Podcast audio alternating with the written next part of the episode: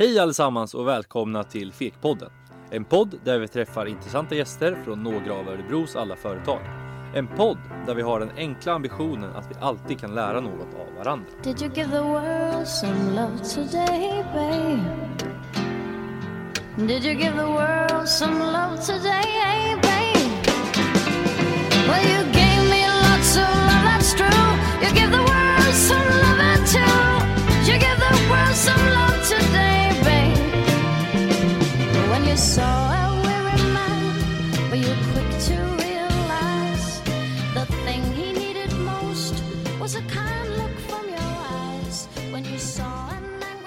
I slutet av 2018 publicerades för första gången en rapport där det frivilliga arbetet i Sverige värderats ekonomiskt till 131 miljarder kronor.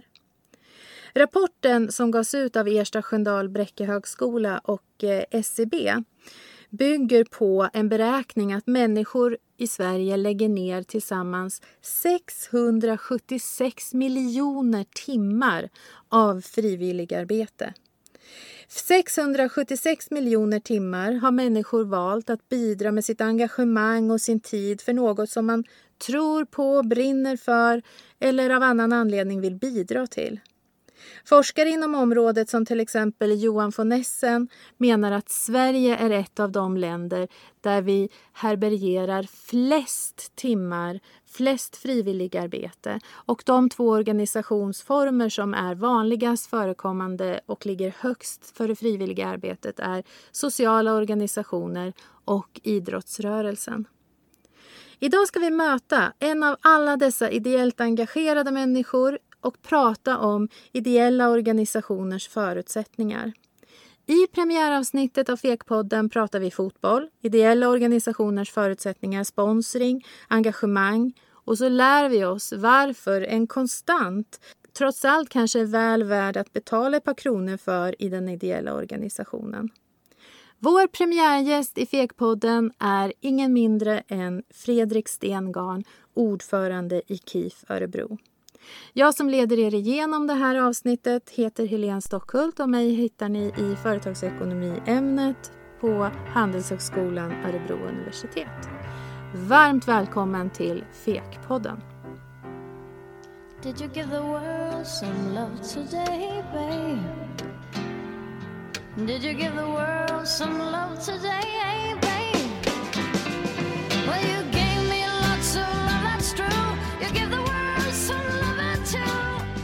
Så, välkommen till Fekpodden, Fredrik Stengarn.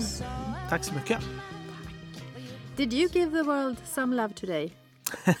Det beror lite på hur man, eh, hur man ser det. Jag har, eh, på vägen hit så eh, tog, tog jag cykeln men samtidigt så släpade jag på typ 8 kilo Rituals-produkter som vi har fått sponsrat till vårt A-lag från, från Rituals. Så jag fick eh, släpa dem på cykeln. Det kanske var lite eh, give the world some love today. Ja, Eller? att du cyklade var... eh, Att bara det kanske? bara det är väldigt gott. Ja, det finns ju även hälsofrämjande saker på att cykla. Precis, precis, men att du släpade det till någon annan. Det är väl själva essensen av att vara hjälpsam och ge någonting gott Ja, till någon. exakt, ex- exakt. Och det är också eh, livet som ordförande i en, i en klubb som inte har så mycket hierarkier kanske. Bra, där kom du in på varför du är här. Mhm. För eh, berätta, du är ordförande för KIF Örebro. Mm, ja, hur, precis. hur kom det sig att du blev det? Ja, det frågar jag mig själv också ibland faktiskt. Ehm, jag blev ordförande i år, i mars på årsmötet. Ehm, och eh, fick frågan efter att eh, KIV KIF Örebros före detta ordförande eh, Charlotta Nordenberg slutade efter ungefär sju år på posten. Ehm, så att det, man kan säga så här, jag kom in i KIF 2017. Så att jag hade ett par år på nacken i styrelsen. Ehm, och sen så när Charlotta slutade så eh, gjorde valberedningen ett jobb och sen så av någon anledning så hade, tyckte många att jag skulle bli ordförande och då fick jag frågan. Mm. Och så tog jag en funderare och sen så tackade jag ja. Ehm, och det var väl det tekniska svaret på din fråga kanske. Är det Eh, något du har ångrat? Nej. Några månader så här efteråt? Nej, verkligen inte. Det, däremot så har det varit eh, mycket mer jobb än vad jag kanske hade räknat med. Och då hade jag ändå räknat med att det skulle bli mycket mer att göra. Eh, ta, ta, ta klivet från vanlig, vanlig dödlig styrelseledamot till ordförande. Mm. Men eh, nej, det är absolut ingenting jag ångrar utan det, det, det känns jättebra och det känns verkligen som att man är med och eh, gör någonting väldigt, väldigt bra för väldigt många. Så att det, det känns hur bra som helst.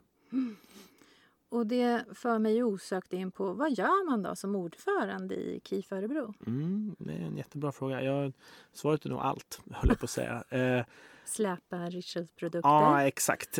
Det, det är en del i det. Nej, men ehm, i, i grunden så handlar det om att man som ordförande så, så ska man ju någonstans leda klubben.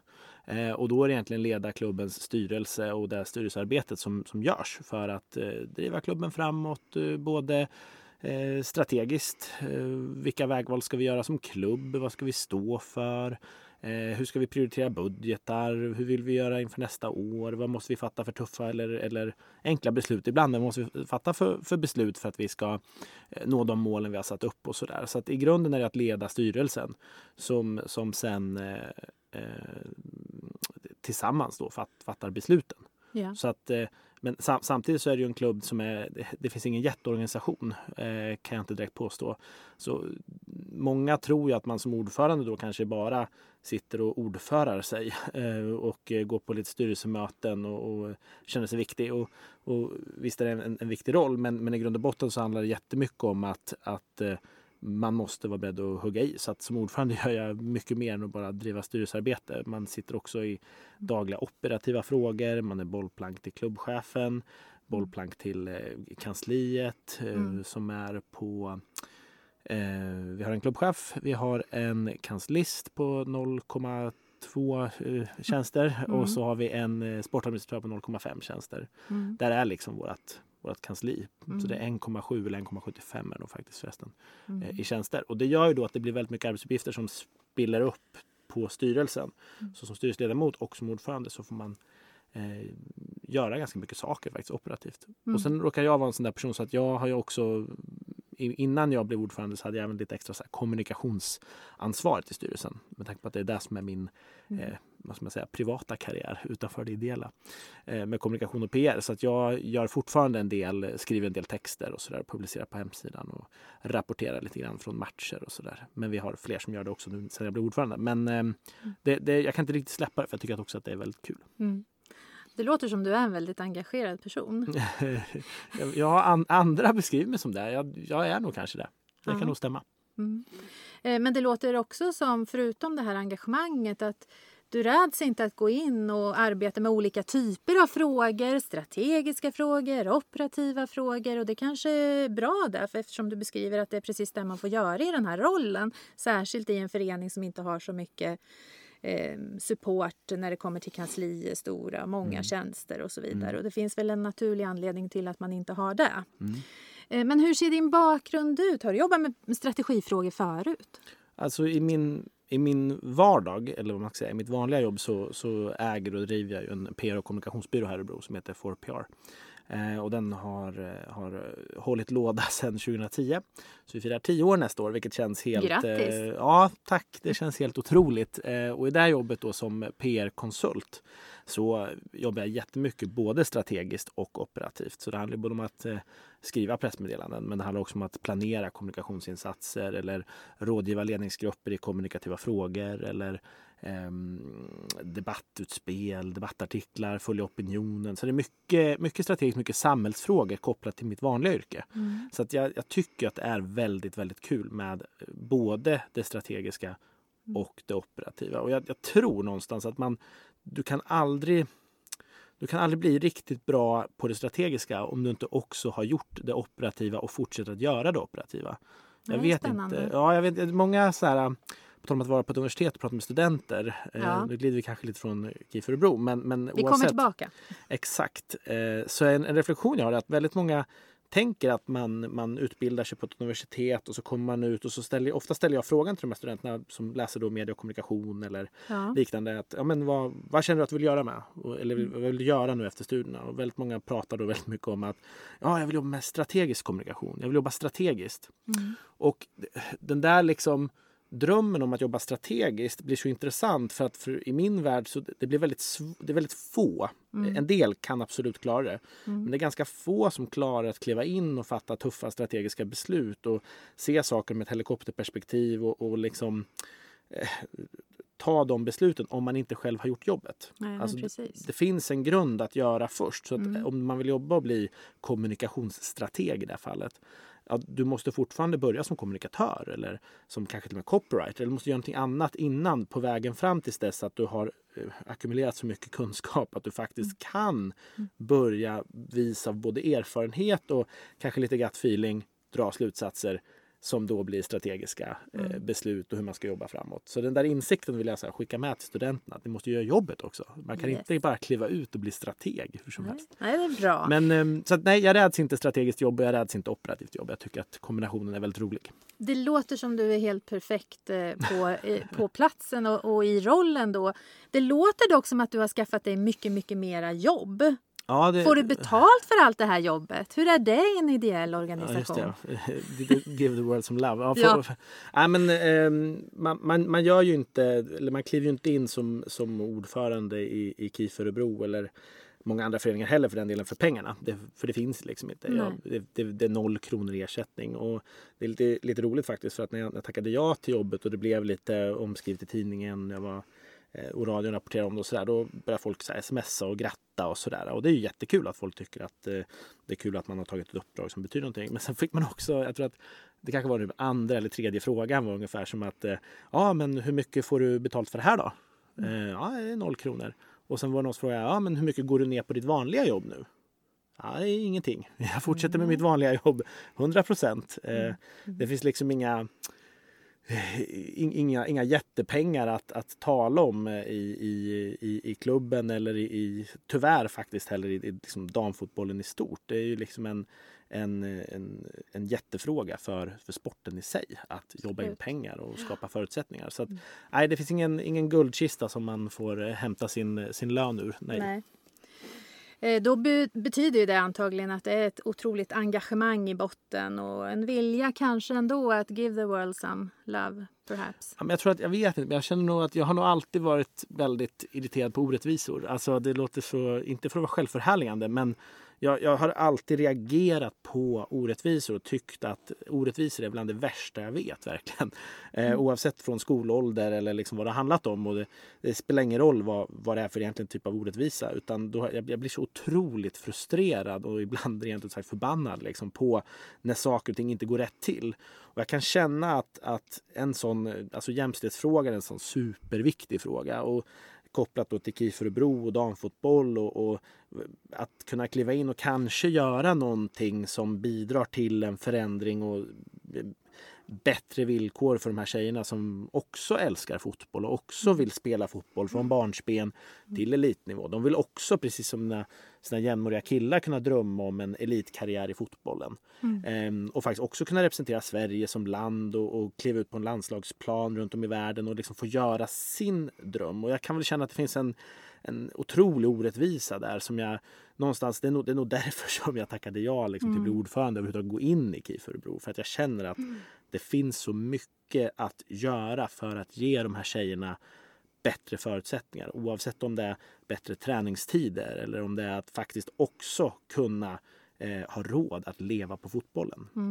Men det är en resa dit. Så, så varför du väljer att engagera dig ideellt det har väldigt mycket med värderingar att göra och övertygelser. Och att det sen blev KIF Örebro hänger ihop med de här värderingarna helt enkelt. Jag, jag tror det, förmodligen. Ja. Det här med ideellt engagemang i samhället. En del säger och undersökningar visar att det ökar. Eh, unga människor engagerar sig i de frågor som de tycker är viktiga. Eh, jag var på second hand, Livlinan, i lördags. Där är det ju knappast unga människor som engagerar sig men likväl jobbar de ideellt. Mm. Varje lördag, jag tror att det är några veckor, veckodagar också. Eh, det här engagemanget i samhället, det finns. Man väljer att engagera sig i de frågor som man tycker är intressanta, viktiga. Eh, men vad, hur lockar ni eh, människor att engagera sig i er organisation? För ni kan inte locka med god betalning, med Nej. löner. Nej, Hur får precis. ni människor att vilja engagera sig i KIF Örebro? Ja, men det, är, det är en jättebra fråga. Det är också en, en, en sån där fråga som ständigt ligger liksom på bordet. Hur kan, vi, hur kan vi få fler människor att hjälpa till i klubben? Oavsett om det är kring matcharrangemangen. Alltså, vi spelar ändå i Sveriges högsta liga, Åbos damallsvenskan. Och matcharrangemangen och kraven på det där är inte så jätteolika från herrarna. Eh, och, och nu råkar jag veta att även eh, herr, herrfotbollslaget eh, ÖSK Fotboll har också jättemånga ideellt engagerade runt klubben och det behövs även där. Även om de omsätter 50 miljoner Ja. och vi omsätter kanske runt eh, 6 miljoner så är det fortfarande en, ett behov av ideella krafter ehm, som, som eh, finns kopplat till klubbar. Men, men vi behöver de här individerna som jobbar på arrangemang. Men vi har också ledare som måste kliva in i våra ungdomslag och, och, och hjälpa till där. Eh, som som eh, också kommer lägga en hel del tid. Och det, jag tycker att det finns en generell utmaning inom just idrotten att få folk att vilja engagera sig som just ledare. Att ta den där tiden. Att eh, ehm, Eh, faktiskt eh, försöka ge de här unga tjejerna en, en, en chans till att spela fotboll. Och, det, och jag säger inte att det är för att man inte vill, men jag tror att ganska många har inte riktigt tid med det för att det kanske är lite för mycket ansvar. Jag vet inte.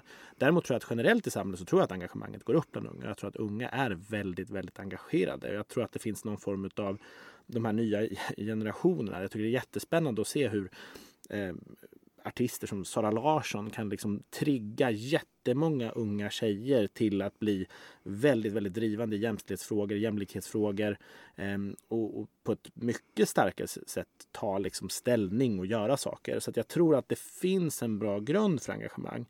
Men sen så tror jag också att det finns en, en, en eh, begränsning i hur mycket människor också orkar. Alltså hur, hur pass djupt det där engagemanget kan bli. Eh, Jag vet inte hur jag ska förklara men det finns ett, ett lätt engagemang. Att, Jag vill inte gå på en demonstration, det är hyfsat enkelt. Jag kan gå dit, jag är där några timmar eh, och sen går jag hem.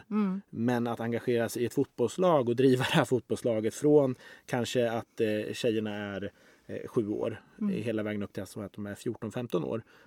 Oftast är ju det ett längre engagemang. Sen behöver det inte betyda att man själv är ledare alla de här åren men det är ändå ett större åtagande över längre sikt. Så att, eh, där kämpar vi ganska mycket med att hitta de här ledarna. Nu har vi som tur så att vi har fantastiska ledare i våra ungdomslag som, som gör ett jättebra jobb. Men inför varje år så står man inför att vill vi starta ett nytt ungdomslag behöver vi ha ledare. Eh, och det är ofta där det hänger på. Att För tjejer som vill spela fotboll finns det. det. Det är inte där som är problemet utan det är att hitta de här ledarna. Eh, och sen ska vi hitta folk som vill eh, deltida ideellt så att säga. Alltså, vi har ju Vi har ju människor kopplade till klubben i form av eh, A- A-lagstränare exempelvis. Stefan som tränar A-laget. Han är ju inte heltidsanställd fast det är Sveriges högsta liga. Eh, han jobbar 50 procent. Det här måste ju ändå vara en viss skillnad då. Nu, nu kommer vi kanske in då på det här med herrfotboll och damfotboll. För jag tänker, många ledaruppdrag är väl på heltid inom fotbollslag. På elitsidan så är det ju så. Ja. Eh, absolut. Och det är ju där vi, vi jämför elitsidan dam med elitsidan herr. Exakt. Och, och på herrsidan skulle jag ju vara väldigt förvånad om det är någon av eh, herrallsvenskans tränare som eh, jobbar 50 procent med sitt tränaruppdrag. Eh, och det är det här som blir så att Stefan då, men han har 50 procent, sen han lärare till 50 procent. Eh, och, och sen ska man väl säga att ett, ett uppdrag som eh, huvudtränare för KIF Örebro det är ju ett uppdrag som är mycket större än 50 procent. Alltså, Det är ett heltidsuppdrag. hade inte Stefan haft ett otroligt engagemang liksom för eh, klubben, för spelarna och för, för det här jobbet, ja, men då, då hade han ju inte förmodligen tagit det. För så krasst är det. Och samma sak om jag ska vara helt ärlig gäller våra A-lagsspelare. Ehm, Det är inga drömlöner kan jag direkt säga. Du har spelare som tjänar från, från eh, en 500 till spelare som kanske tjänar ja, men 14-15 tusen. Men den övre är väldigt, är väl- väldigt få eh, och den undre är det är många fler som tjänar mycket lägre. Liksom. Och snittet i damallsvenskan för en spelare är 10 000. Snitt, I månaden då, snittet i herrallsvenskan är ungefär 95 000 kronor. Så att det finns liksom en, en en, en ojämlikhet också i, i det, men framförallt kopplat till att de här tjejerna som kliver in och blir elitfotbollsspelare, de, de behöver ju i regel jobba eller plugga vid sidan om för att få det här att fungera. Eh, och då kan man också säga att deras elitfotbollsspelare spelande där de då ska bidra till att underhålla en publik och se till att vi får in sponsorer och så här. Den blir också semiprofessionell egentligen eller halvideell för de måste lägga otroligt mycket mer tid ner på det här än vad de kanske egentligen får betalt för. Eh, jobbar strategiskt med de här frågorna. Hur gör ni det? Hur försöker ni förändra på det här? Ja, som, som klubb så, så försöker vi här lokalt att, att påverka och få Framförallt så försöka få fler att, att se att jämställd sponsring är en, en superviktig fråga. Alltså vi kan inte ha halva befolkningen som, eh, som inte får samma förutsättningar inom idrotten. Det, det är helt otroliga siffror egentligen. 80 procent av all idrottssponsring går till männen och killarna 20 procent till tjejerna. Och det här spelar ingen roll om det är offentligt eller privat.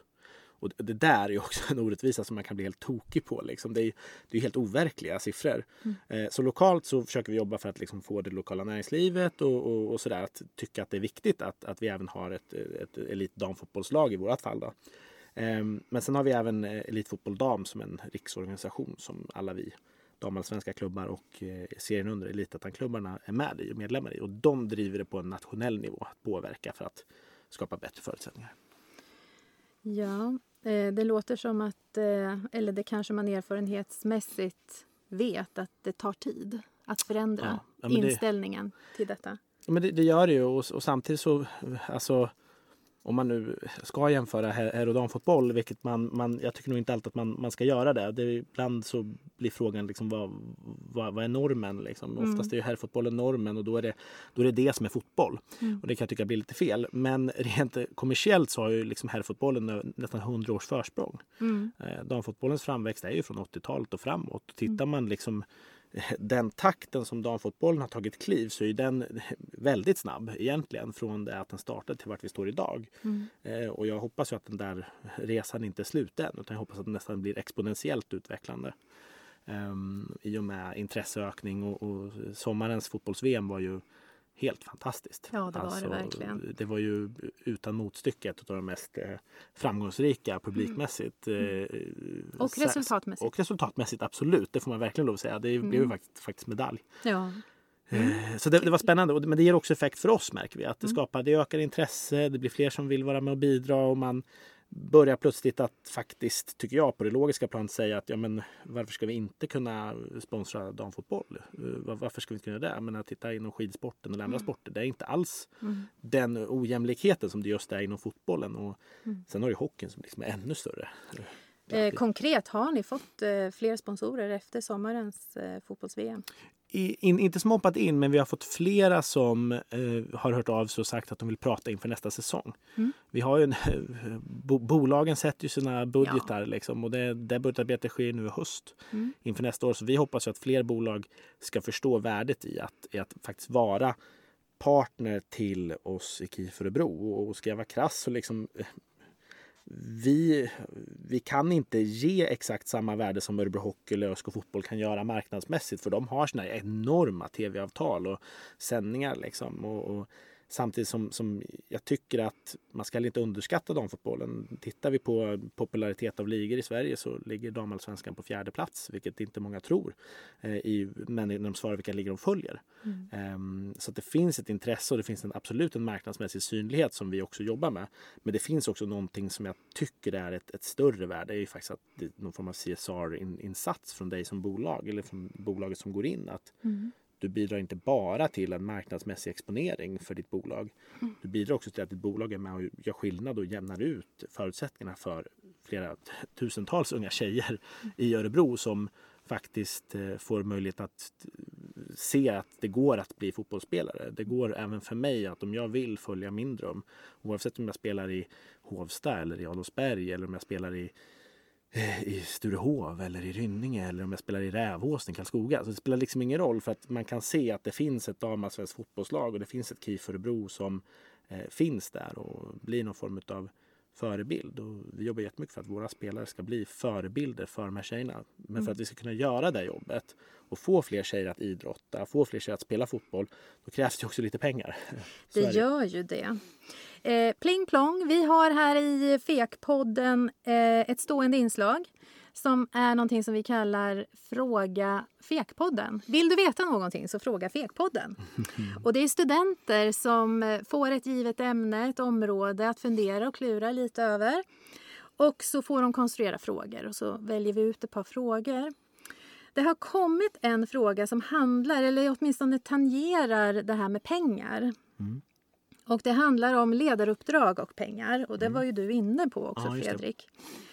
Ehm, vilka ledaruppdrag inom en förening är värda pengar, det vill säga lön, och vilka är det inte? Och det är en student på management och ledarskapskursen här hösten 19 som ställer den frågan. Är en, spännande fråga, just ordet värda lön. Eh, jag skulle säga att, att alla ledare egentligen är värda lön eller en ersättning för det arbetet som de, som de gör. Eh, och sen så får man ju som, som klubb se vad har man har man för, för kista med pengar att, att ösa ur. Och, eh, där ska man ju vara krass och säga att, att KIF har ingen jätteskattkista. Vi jobbar stenhårt med en utmanande ekonomi och vi har en historia utav eh, minusresultat eh, som vi är mitt uppe i att eh, försöka ta oss ur så att säga. Så att, eh, bara som en liksom, förlaga till vad jag ska komma in på hur man gör resonemangen är ju att vi spelade i damallsvenskan 2016.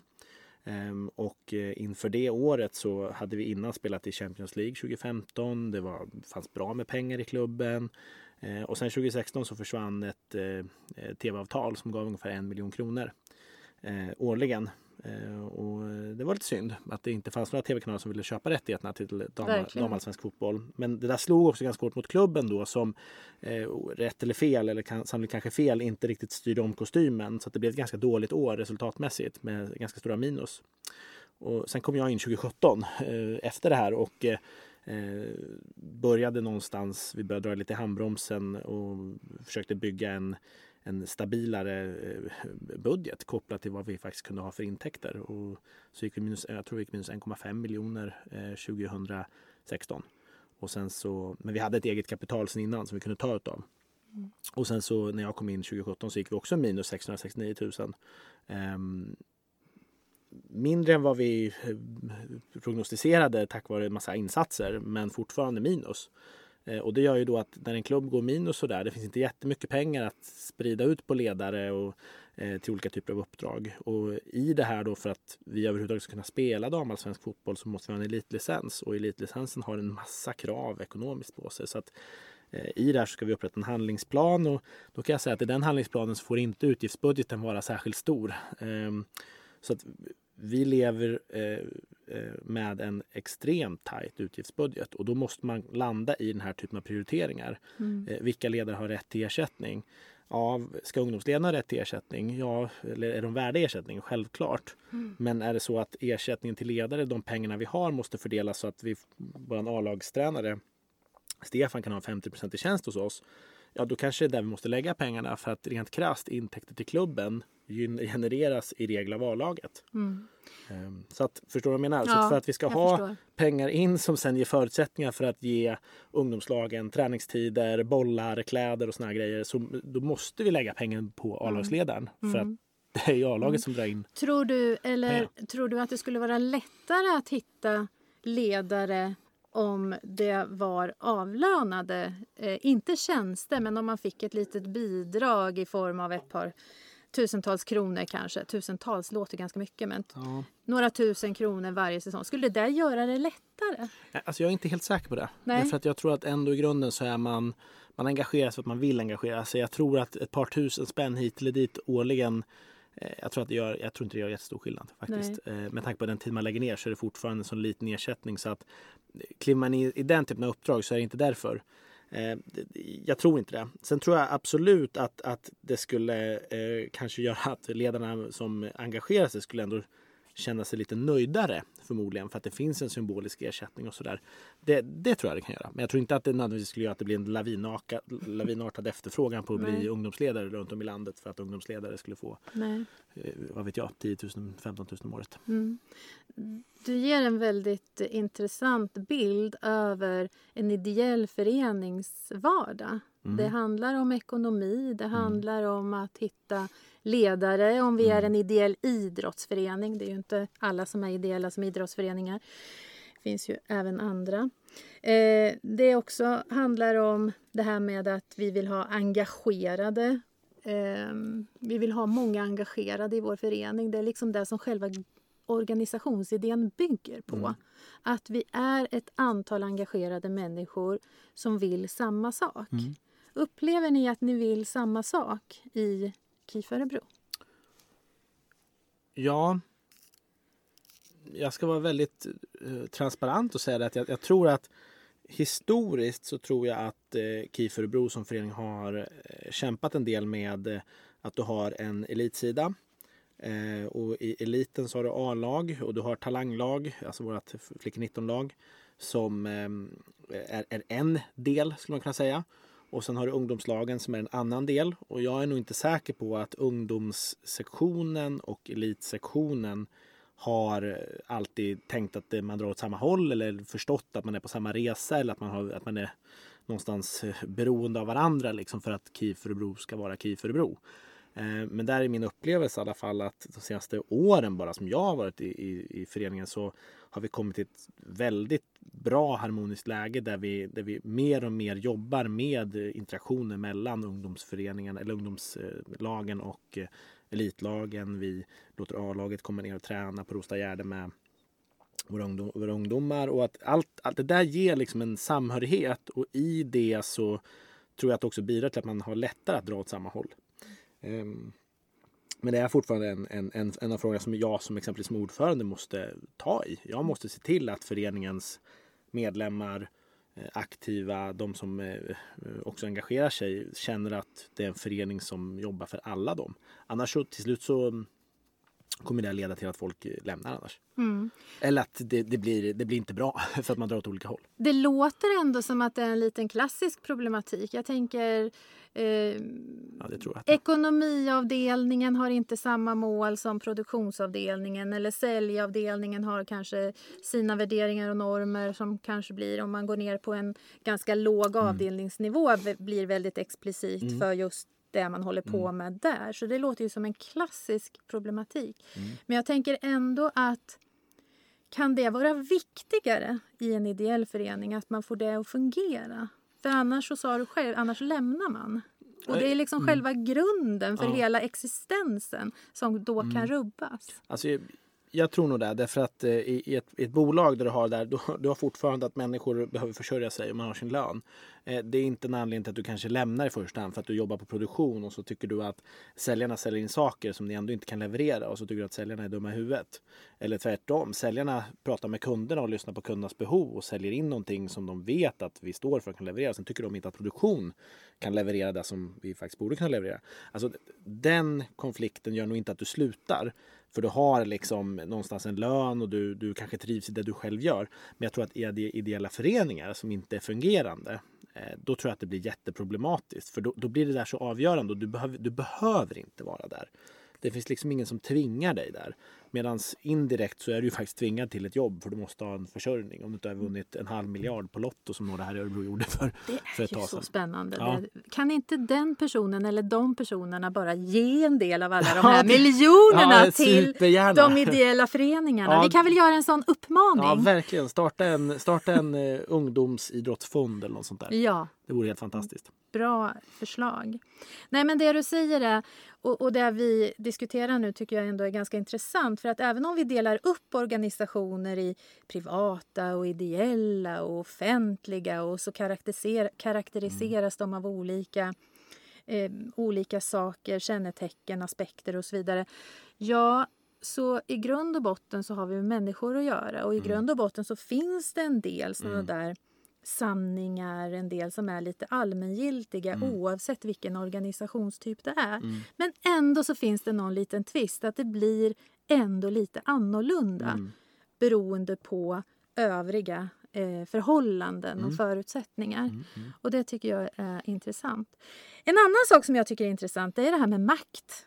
Mm. Vem är det som har makten i en ideell organisation? Är det du som ordförande? Alltså, den slutgiltiga makten har ju faktiskt med- medlemmarna i organisationen. Därför är det de som eh, avgör på årsmötet vilka ska sitta i styrelsen. Har Jo, jo, det brukar heta så gjort på ett- pappret. har styrelsen gjort ett bra jobb och så vidare. Ehm, absolut, och det, men det kräver ju också att det, att det finns engagerade medlemmar. Alltså, det, man får inte glömma bort att i föreningslivet så kan man, det är väldigt många som kan sitta och ha åsikter om att åh vad dåligt den här föreningen drivs eller den här styrelsen gör inte saker som den borde eller sådär. Men sen när årsmötet väl kommer då sitter medlemmarna tysta eller de dyker inte ens upp för att man går inte på det här årsmötet. Och, och då, då tycker jag att då har man liksom missat hela hela grejen med att du som medlem har ju faktiskt makten genom att gå på ett årsmöte, göra din röst hörd, rösta för det du tycker ska vara inriktningen. För sen blir det direktiv ner till den som är vald som ordförande som ska driva styrelsearbetet, det vill säga mig i det här fallet, att lyssna på vart vill föreningen gå.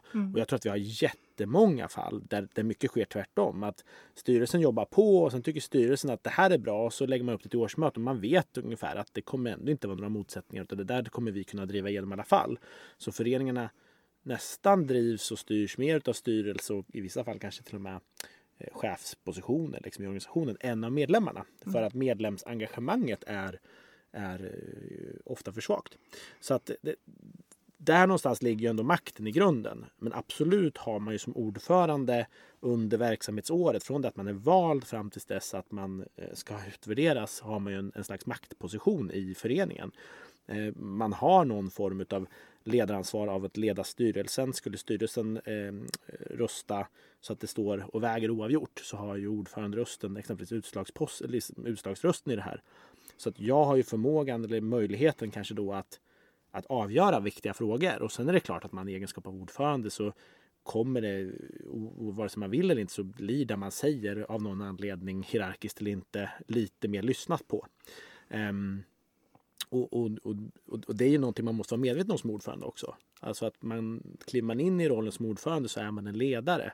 Eh, och man kan inte köra sitt eget race bara för att man är ordförande. Man kan inte bli Donald Trump liksom. Eh, för det kommer inte fungera. Du måste få med dig styrelsen och du måste få med dig sen i vårat fall liksom ett kansli och de som jobbar och du måste hela vägen ner till att få med sig att laget är med på det här. Liksom, dit resan som en förening gör. Och inte minst i ett sånt läge som Kifey nu som gör en en resa som jag sa från minusresultat till att vi eh, förra året 2018 trots spel i elitettan då. Eh, det var inte nog med att vi gick minus eh, 2016 och minus 2017. Vi åkte också ut 2017 och fick spela elitettan ett år. Ehm, men, men det året liksom tog vi oss tillbaka upp igen och på ett år, vilket väldigt få klubbar gör. Eh, Och vi gick plus. Vi gick plus, jag tror 139 000. Vilket var liksom en jätteresultatförbättring från de här minusresultaten till att faktiskt gå plus. Jag menar bara från 2017 till 2018 var det en resultatförbättring på eh, vill jag räkna mitt huvud här, 669 till 139. Det är ju nästan 800 000 i resultatförbättring. Och, och att göra, ska du göra en sån resa då kan inte du göra det som ordförande och stå och peka med hela handen och tro att du har någon makt i det här. Du kan absolut vara drivande och du kan ha väldigt tydlig åsikt om vart man ska. Men du måste få med dig styrelsen och du måste få med dig organisationen sen att göra det. För annars är det helt omöjligt. Annars kan du inte göra den här resan. Och där vi i år liksom, vi lever med den tajtaste kostnadsbudgeten eh, i- någonsin i klubbens damallsvenska historia skulle jag säga. Vi har kanske seriens näst lägsta spelarbudget tror jag faktiskt. Eh, och samtidigt så har eh, vi har köpt läget. Vi förstår att det är det här vi måste jobba med. Så att där har ju för mig varit, som ordförande varit jätteviktigt att inte bara säga att nu ska ni minsann göra så här. Utan snarare få med alla på tåget att ska den här klubben finnas måste vi göra en saneringsresa. Vi måste göra ganska tuffa prioriteringar. Det kommer bli skittufft. Men det kommer vara värt det sen. Och då ser vi att då gör folk jobbet. Vi ser att på, till och med nere på planen så gör vi jobbet. Jag menar, vi har gjort en jättebra säsong över all förväntan sportsligt. Målsättningen är att hänga kvar, inte en, liksom, en position högre egentligen. Och ändå är vi uppe i toppen utav tabellen mot alla odds. Så att, alltså, då kräver det nog att du har ett ledarskap som är mer ehm, inkluderande än någon form av maktposition där jag minsann bestämmer allt. Men med allt det här sagt så får du inte vara rädd för att ibland fatta de tuffa besluten. För det är någonting som jag tror att chefer och ledare generellt sett kan ha en utmaning med. Att man, man vågar inte riktigt när det bränner till ställa sig där och säga ja, jag, jag hör vad du säger, jag hör vad du säger, men, men nu gör vi så här. För i slutändan så är det också det som kanske förväntas av en ledare eller en ordförande. Att inte bara sitta och lyssna på alla och försöka få någon form av konsensus i allt. Även om vi svenskar älskar den här konsensus ehm, devisen, liksom att vi ska ha enhällighet i beslut och så. Det är bra, men man måste också våga ta de där besluten. Ja, för att komma framåt. Exakt. Mm. Men man är inte Donald Trump. Nej. Det är vi tacksamma för. Var det ett svar på din fråga? Det var ett fantastiskt svar. Eh, en, eh, det är en student kvar som vill ha svar på en fråga faktiskt. Och eh, det är någonting som eh, man kanske som engagerad i en ideell förening väldigt ofta kanske inte ligger sömnlös, men nästan. Varför tror du att det ibland känns som att det hela tiden är samma personer som engagerar sig? Och vad kan man göra åt det? Ja, alltså det blir ju väldigt ofta så. Mm. Av någon anledning. Att det, jag tror... Jag har inget bra svar och jag jag tror att ibland... Jag tror att en del personer har en kanske en större fallenhet för att engagera sig. De, de bara gör det. Liksom. De bara säger ja till saker. Och det är kanske också samma människor som eh, i viss mån också till slut bränner ut sig. Liksom, för att de bara säger ja till saker hela tiden. Mm. Medan andra kanske snarare resonerar som så att nej men det viktiga är ju faktiskt eh, jag och mitt liv eller, eller min, min familj eller att mina barn och jag har inte tid att lägga tid på annat så att jag lägger det där. Ehm, och det får man väl respektera liksom. Och det handlar nog om att få folk att förstå att det faktiskt är kul att engagera sig ideellt. Det, ger, det, det tar energi men det ger också jättemycket energi och glädje. Alltså, skulle inte jag tycka att det var kul att engagera mig i KIF Örebro och vara ordförande då, då skulle jag inte göra det här. Nej. För, för det är så pass mycket jobb. Alltså det är så många timmar som man plöjer ner. Vi pratade tidigare om att, eh, att jag har ett jobb liksom vid sidan om. Och det är ju tur att jag styr själv och att jag är, är min egen chef, höll jag på att säga. Men att mina medarbetare i, i företaget, de, de eh, höll jag på att säga, får ju bara hacka i sig att jag också har det här och liksom prioriterar. Men nej, de är superförstående. Men, men liksom, jag kan ju tack vare det också då lägga en hel del tid på KIF även dagtid. Men jag menar, det kan man inte förvänta sig kanske av alla engagerade att de kan göra för att de har ett jobb också som ska skötas. Och Jag kan sticka iväg hit och spela in en podd med dig idag och klockan var 14.30 när vi började. Du har vissa som jobbar på ett jobb och där du ska vara där till klockan 17. Eh, Det går inte att bara lämna ditt jobb för att vara här och spela in en podd hur mycket man än vill det. Blir engagemang i en ideell förening en jämlikhetsfråga på så sätt? Jo, men det kan det absolut bli. Absolut. För att det är inte alla som kanske har, ett, eh, har, har möjligheten att, att engagera sig ideellt därför att de har ett jobb som kanske är extra tungt och då orkar man inte energimässigt lägga det på någonting annat. Eh, det kan vara att du är låst till tider eh, och sådana saker. Så absolut, det kan finnas en sån aspekt i det. Att du måste, det, det blir de som har, vad ska jag säga, eh, Praktiska möj- praktiska möjligheten att få bestämma själv och kanske att göra det här engagemanget. Absolut. Slutligen, Fredrik. Eh, framtiden. Mm. Eh, hur ser du på och vilka frågor ser du som särskilt viktiga för ideella organisationers utveckling i framtiden? Kan den här studenten ha varit något på spåren? Att vi behöver få fler att engagera sig? Eller Ja, alltså jag, jag tror att, att de ideella organisationerna behöver ett fortsatt ehm, ökat engagemang. Därför att eh, ska, ska, vi, jag vet, ska vi fortsätta ha så här fantastiskt föreningsliv som vi har i Sverige då, då måste vi få fler att vilja engagera sig i föreningslivet. Alltså, tyvärr så tror jag att väldigt många, om jag skulle gå ut och prata med många av de här ungdomsledarna eller eh, många lag så kommer det vara så att många föräldrar åker ner dit, dumpar av barnen på träningen och sen åker de och gör någonting annat. Mm. Och kommer dit och hämtar barnen sen. Liksom. Men sen när det väl ska skjutsas till kupper eller det ska ställas upp eller man ska åka med på några resor då, då, är det ganska, då kommer det såna här tumbleweeds rullande genom eh, fotbollsplanen som, som i westernfilmer när det är dött i en spökstad. Ja, men liksom, då, då, är det, då är det ingen som oj, nej men det där har inte jag sett att det behövde skjutsas eller att det behövde stås i någon kiosk här och säljas korv. Eh, och väldigt många idag tror jag också har en en inställning just när det kommer till arbetsmässiga att man hellre betalar sig fri. Alltså man nästan säger så här, men, ja, men jag lägger hellre 5000 spänn om året för att slippa stå i den där kiosken i en match. Eh, och där tror jag någonstans att då tappar vi det som är föreningssverige och det som är det här kollektiva gemensamma arbetet, samarbetet insatsmässigt. Så att jag tror att det är, det är en jätteviktig fråga. Hur får vi de här människorna som sätter sina barn i klubben att också förstå att ni måste vara med och jobba annars kommer årsavgiften för er unge vara svindyr. Ehm, Så det tror jag är en del. Och sen tror jag också på eh, jag tror på att man som ideell förening också måste ha en viss struktur och kanske tänka lite inte företagsekonomiskt sådär strikt för att man har ju inte riktigt samma drivkrafter i form av eh, vinstkrav och så vidare. Men fortfarande, du har ju själv liksom, du kan inte som klubb gå minus flera år för då finns det inga resurser att röra med. Så du måste ju ändå göra en vinst. Du måste hitta pengar eh, in till klubben och sen eh, för att överhuvudtaget kunna göra investeringar. Så att jag tror också att många ideella föreningar skulle må bra av lite mera företagstänk till viss del. Vilket jag kan se. Jag kommer liksom från företagarsidan och driver företag. Och, eh, bara min, mitt, att jag kliver in i KIF, så jag, jag tänker ju också lite omedvetet när jag tittar på budgeten, när jag tittar på intäkter, när jag tittar på hur ska vi paketera. Jag tänker lite business. Eh, vilket också kanske lämpar sig extra bra just i KIF. För att det är en, en blandning av en elitsida, liksom en elitklubb där vi är väldigt marknadsdrivna också. Eh, och då tror jag att det också till slut kommer spilla över på att man får lite mer struktur, lite ordning och man får lite mer av den där marknadsdrivet som då kan generera intäkter och i slutändan, ja. Det går, det går liksom inte att spendera en massa pengar som man inte har. Nej. In, men det vill inte säga att ideella föreningar håller på att spendera pengar som de inte har. Men Nej. du förstår vad jag menar? Ja, jag förstår absolut vad du menar.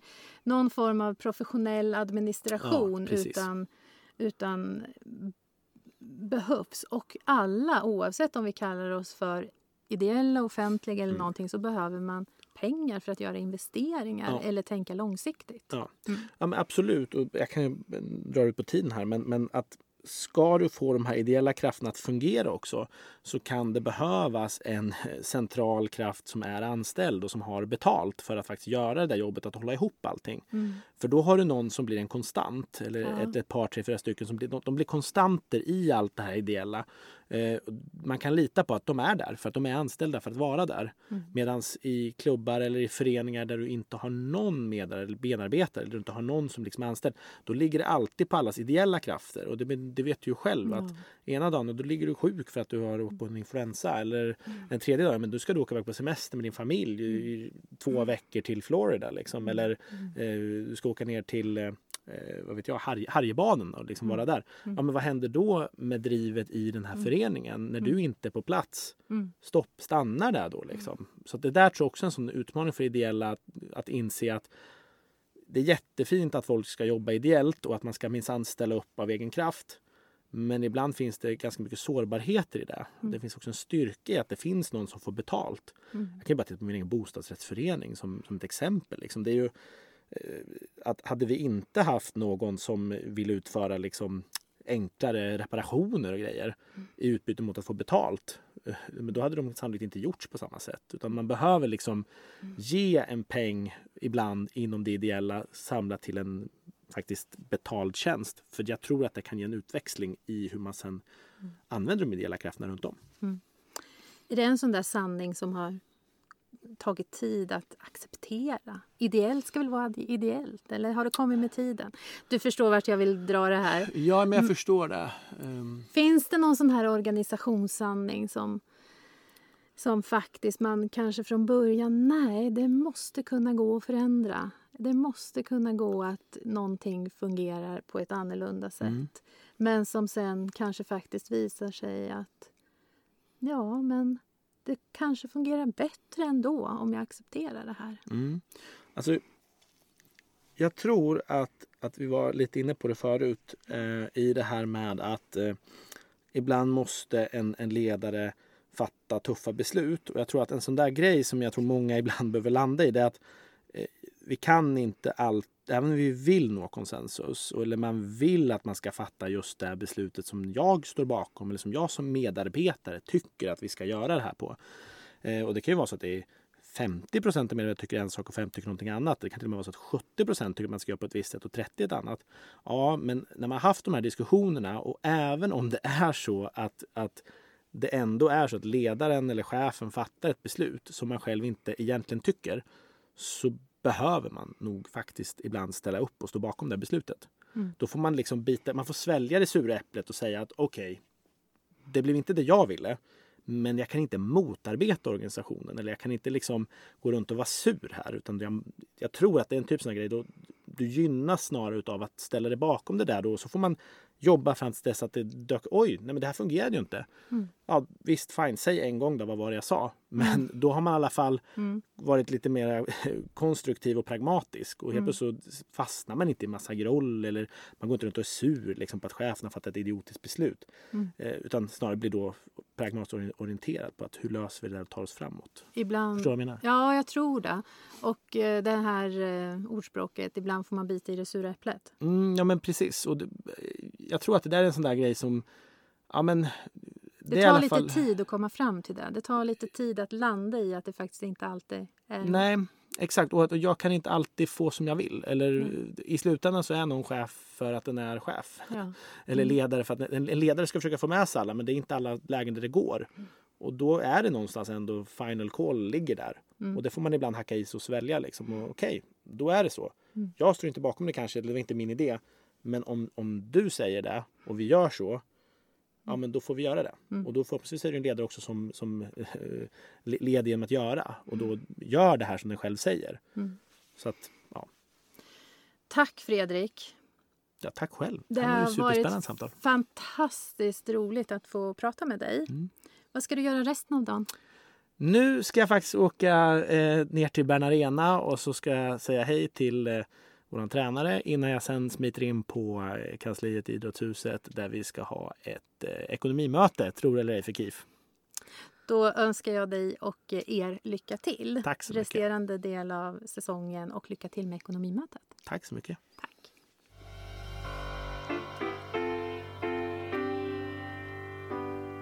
Gotta make this one big loving world, babe. Help to make this one big loving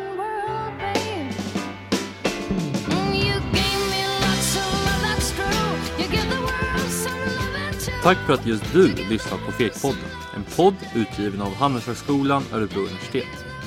Har du tankar och idéer om innehållet i Fekpodden? Eller har du kanske förslag på en spännande gäst att bjuda in? Skicka ett mejl till info Men följ gärna Fekpodden på Instagram så att du inte missar några intressanta gäster och avsnitt. Vi ses!